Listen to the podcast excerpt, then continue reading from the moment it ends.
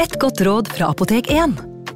Nå er snart pollensesongen i gang, og et godt råd til deg som sliter med pollenallergi, er å begynne behandlingen i god tid før allergisesongen starter.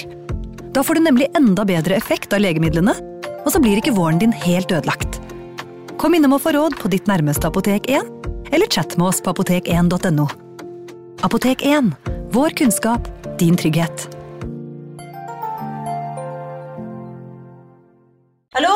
Jeg kommer fra Oslo politikammer. Ine Jansen er purk. Er du purk? The motherfucking bitch. Alt jeg vil, er å finne ut hva som skjedde med mannen min. Jon Carew. Er jeg sikta for noe? Iben Akeli. Det er du. Ole So, Lars Berrum og Big Daddy Karsten. Hvem sin side er du på, egentlig? Anette Hoff, Tone Danielsen, Kommer du fra Afrika? Jørnis Josef, Nesten kløfta. Trond Espen Seim, Det er synd å si det, men det var feil mann som døde. Purk. Premiere tirsdag på TV2 Play. Ungsamtalen fra DNB er økonomisk veiledning tilpasset deg som er ung. Bokk en ungsamtale på dnb.no. slash ung. Det er kjempebra hvis du skal inn på boligmarkedet, hvis det er drømmen din, liksom. Det er det du skulle sagt. Og så kunne du ropt litt mer, da, sånn som jeg gjorde. Bam! Advarsel. Denne podkasten inneholder skildringer av ekte drap og kriminalsaker som kan være støtende for enkelte. Det advares også mot sterke inntrykk i deler av episoden. Et veikryss utenfor Halden. Slik beskrev en journalist fra VG Tistedal, et lite tettsted som ligger ca. fire km fra Halden sentrum. I dag har Tistedal sentrum ca. 1500 innbyggere, og er et idyllisk sted hvor både barnefamilier og folk i alle aldre trives.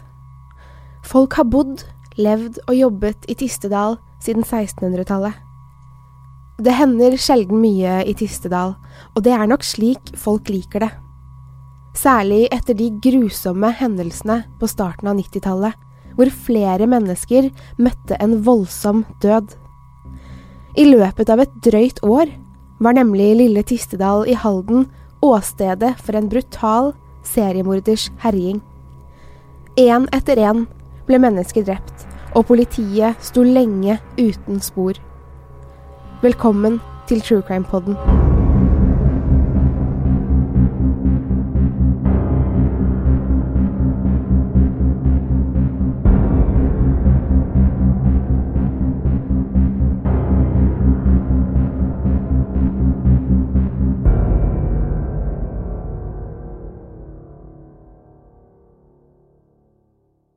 3. september 1991 Tistedal. Et eldre søskenpar på 74 og 78 år hadde noen dager tidligere sett en mystisk mann luske i hagen rundt huset deres. Han hadde vært mørkkledd og tilsynelatende lett etter noe. Den yngste av søsknene, en mann på 74 år, hadde gått ut i hagen og spurt den mystiske mannen hva han ville. Mannen hadde blitt utilpass og overrasket av konfrontasjonen. Han mumlet noe om at han lette etter hunden sin. Denne mørke høstkvelden var han tilbake igjen. Både broren og søsteren så mannen, men tenkte kanskje at alt var greit, siden døren var låst. Alt var ikke greit. Om døren var låst, vites ikke, men den mystiske og mørkledde mannen tok seg inn i huset. Han var bevæpnet med kniv, beredt på å drepe. Det eldre søskenparet ble tildelt særdeles mange knivstikk. Det var til slutt blod overalt, og søskenparet døde livredde med store smerter i sitt eget hjem. Gjerningsmannen var ikke ferdig enda. Nå som de gamle var døde, begynte han å lete gjennom skuffer og skap. Han ville ha penger. Desperat ransaket han huset og tok med seg alt han kunne finne av verdisaker. En massiv etterforskning ble satt i gang. Politiet intervjuet flere personer, men grunnet få spor etter gjerningsmannen på åstedet, og ikke et eneste vitne å oppdrive, gikk etterforskningen i stå. Faktisk ble to personer siktet for dobbeltdrapet, men etter hvert løslatt grunnet manglende bevis. De to som ble tatt inn og siktet, viste seg å være helt uskyldige. Politiet hadde på dette tidspunktet ingenting å gå etter, annet enn at motivet for mordet sannsynligvis var ran. Søskenparet hadde ingen uvenner, de var rolige mennesker som holdt seg for seg selv. De klarte aldri å finne ut hvem mannen som lusket rundt i hagen deres tidligere, kan ha vært. 1. september 1992, Tistedal. Nesten på datoen et år etter drapene på det eldre søskenparet, bryter en mann seg inn i huset til en pensjonist, en 71 år gammel mann. Gjerningsmannen slår den eldre mannen med jernstang flere ganger i ansiktet, og særlig kjeven, som knuser. Han blør kraftig når gjerningsmannen tar frem kniven og stikker han. Den forsvarsløse mannen prøver å forsvare seg, men han mister for mye blod. Livet svinner hen i denne brutale stunden, og 71-åringen dør kort tid etterpå. Gjerningsmannen gir seg ikke der. Han leter gjennom huset, men det finnes ikke så mange kontanter som han skulle ønske. Derfor river han pensjonistens hagle ned fra veggen og bestemmer seg for å ta den med seg. Så drar han den døde mannen mot utgangsdøra og ut i hagen. Det er mørkt ute. Gjerningsmannen ser en komposthaug og bestemmer seg for å gjemme liket der. Før han forlater åstedet, tar han med seg bilnøklene og stjeler pensjonistens bil. Den eldre mannen meldes savnet. Politiet behandler først saken som en forsvinning, muligens et selvmord. Mannens hagle er borte, og bilen blir funnet forlatt ved en skogsvei litt utenfor tettstedet. Men den eldre mannen er det ingen som finner. Om man velger å avslutte livet sitt, f.eks. i skogen, slik man først trodde denne eldre mannen gjorde, ville han ha blitt funnet. Man kan ikke gjemme sitt eget lik.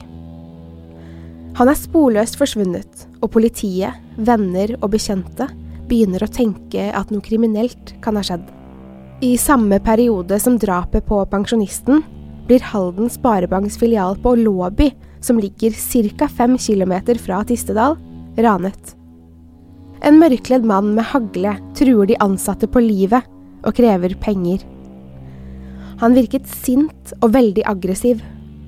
Mannen snakker svensk, ifølge vitner. I starten blir ikke ranet sett i sammenheng med forsvinningen av den eldre mannen. Ikke med dobbeltdrapet på det eldre søskenparet heller. Og hvorfor skulle de det? Hva var sjansen for at en seriemorder gikk løs i lille Tistedal? Sjansen for det var større enn de kunne ane.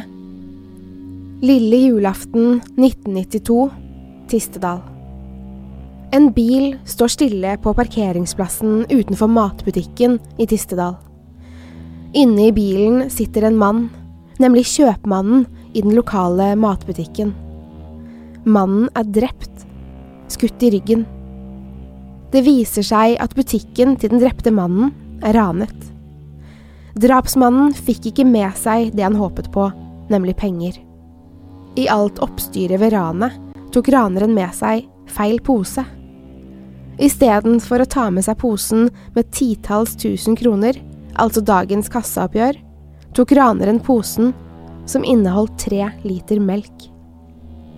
Kjøpmannen var en 54 år gammel familiefar som kanskje gledet seg til å feire jul med familien. Nå var han død i bilen sin på selveste lille julaften skutt ned av en ukjent gjerningsmann. Ingen var trygge lenger.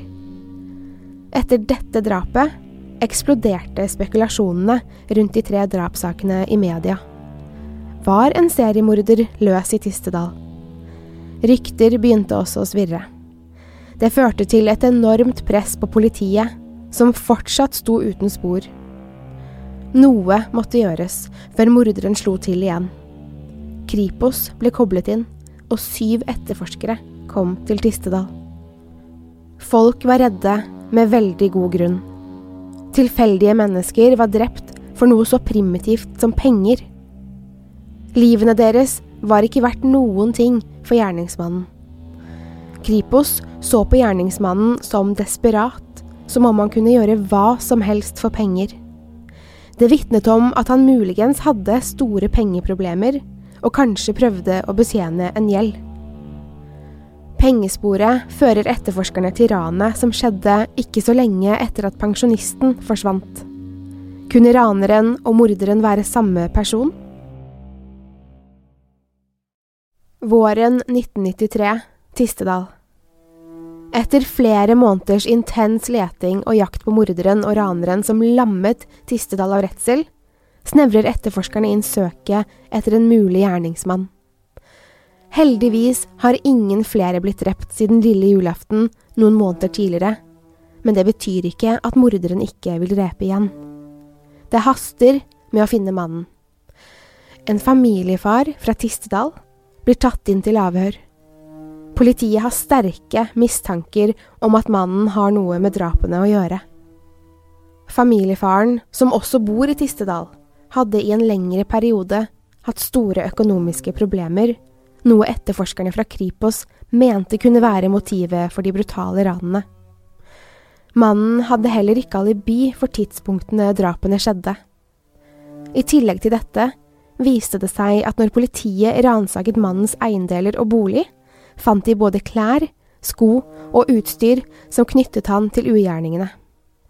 Mannen sitter i lange avhør. Til slutt tilstår han. Men det er noe mer som hender. August 1993, Øksfjordbotn, Vest-Finnmark.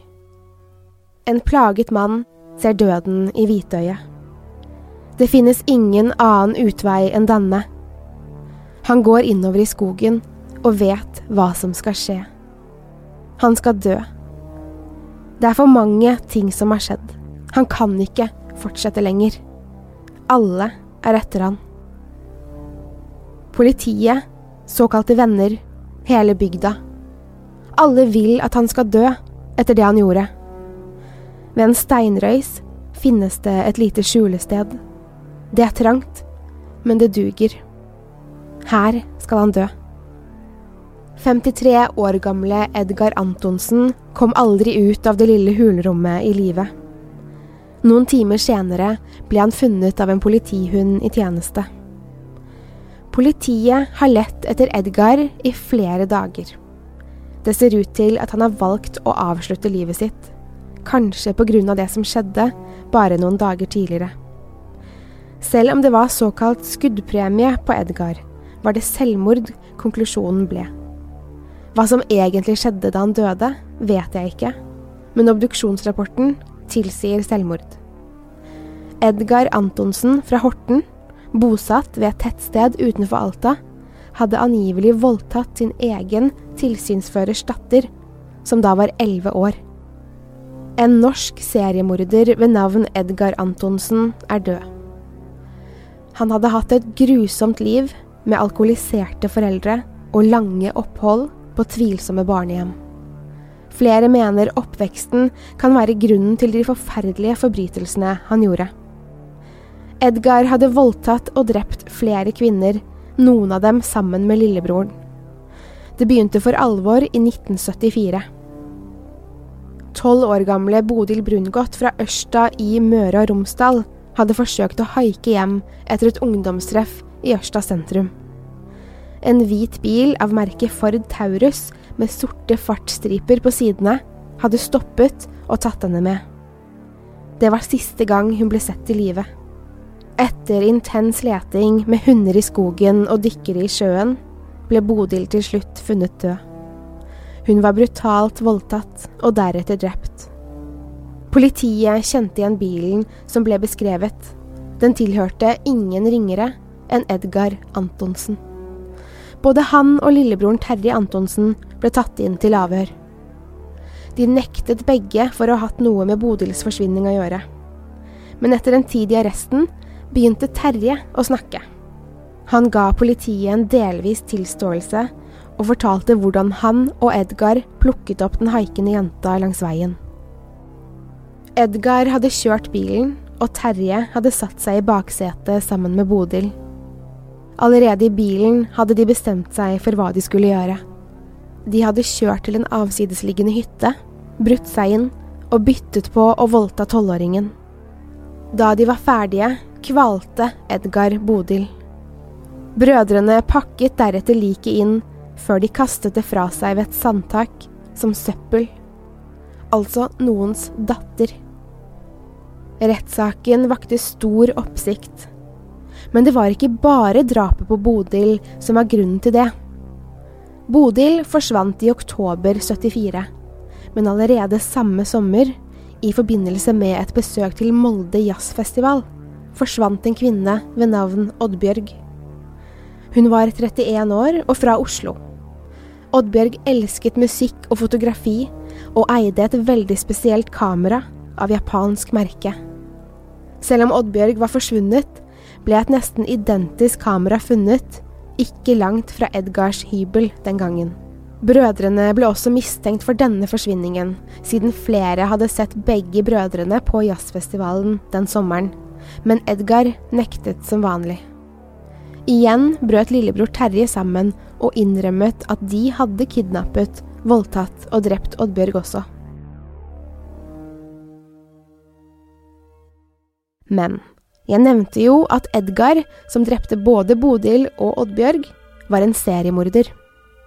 Som dere vet, er man en seriemorder hvis man dreper tre eller flere personer på forskjellige steder til forskjellige tider, det være seg dager, måneder eller år.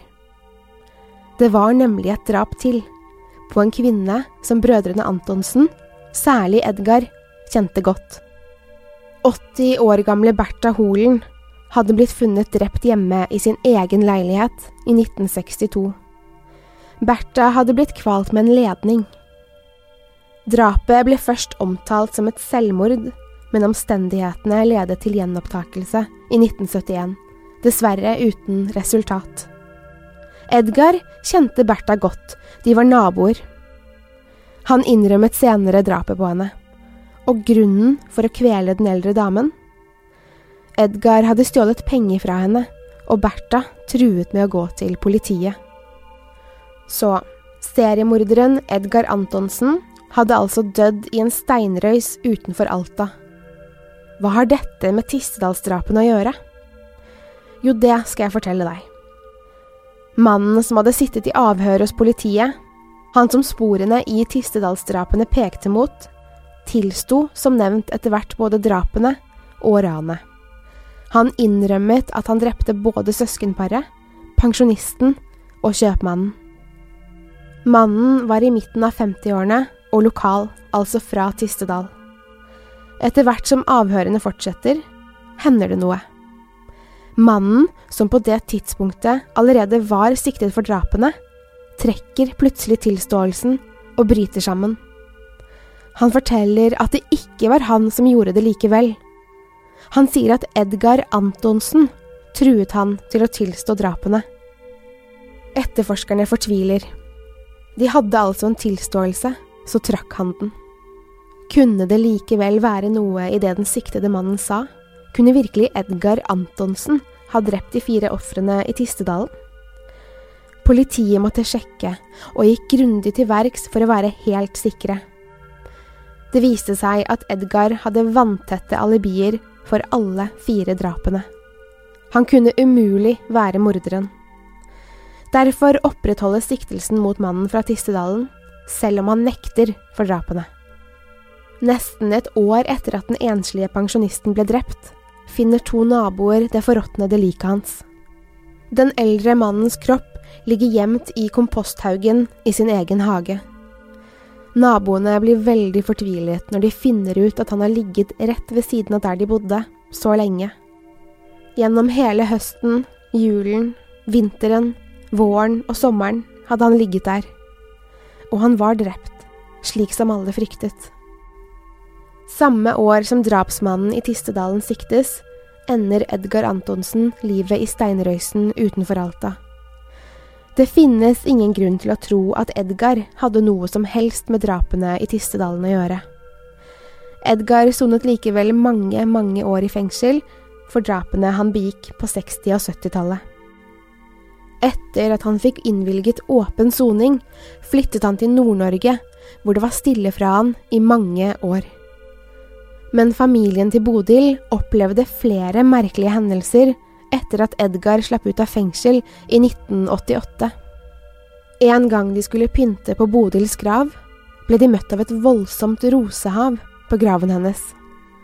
Ifølge en artikkel i lokalavisen Regionsavisa, der Bodils far ble intervjuet, fortalte han at han og kona ofte ble ringt opp av en, jeg siterer, hul og monoton kvinnestemme, som fortalte dem hvor Edgar befant seg og hva han gjorde.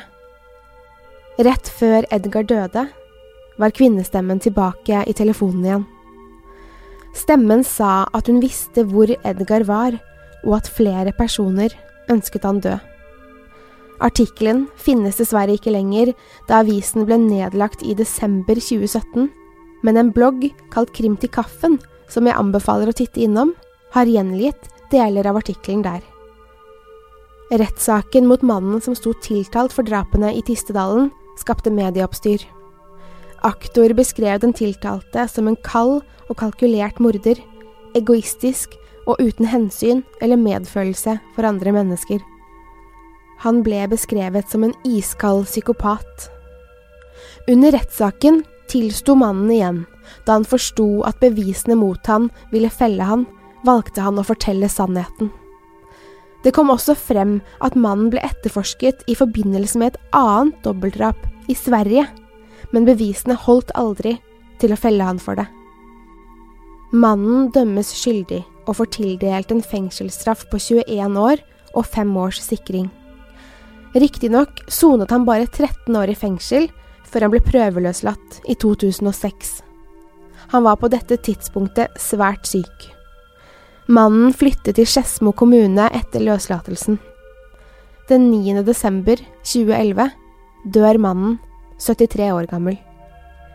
Drapene i Tistedalen var en av sin tids store drapssaker, nå kanskje overgått av Orderud-saken og drapene i Baneheia.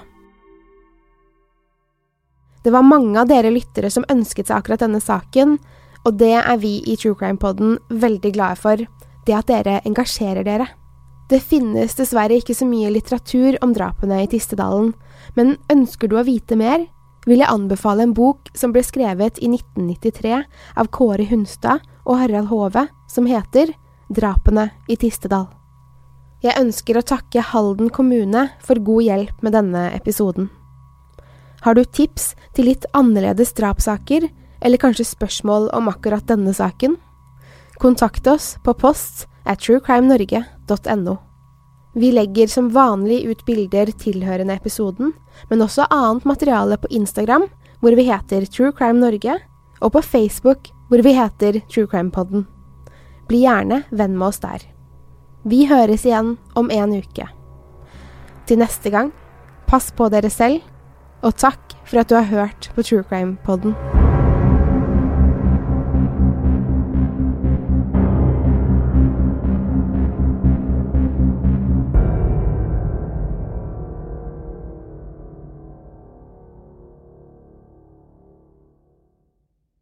Har du et enkeltpersonforetak eller en liten bedrift? Da er du sikkert lei av å høre meg snakke om hvor enkelt det er med kvitteringer og bilag i fiken, så vi eh, gir oss her, vi. Fordi vi liker enkelt. Fiken superenkelt regnskap. Hei! Takk for at du lytter til True Crime Podden. Skulle du ønske at du kunne høre en ny episode av denne podkasten hver eneste uke? Vel, da er det bare å laste ned podkastappen Untold med en gang. I tillegg til ukentlige episoder av podkaster som Skrekkpodden, Synderne og Henrettelsespodden, får du masse annet reklamefritt og eksklusivt innhold. Last ned Untold i AppStore eller Google Play, og start din 30 dagers prøveperiode i dag. Untold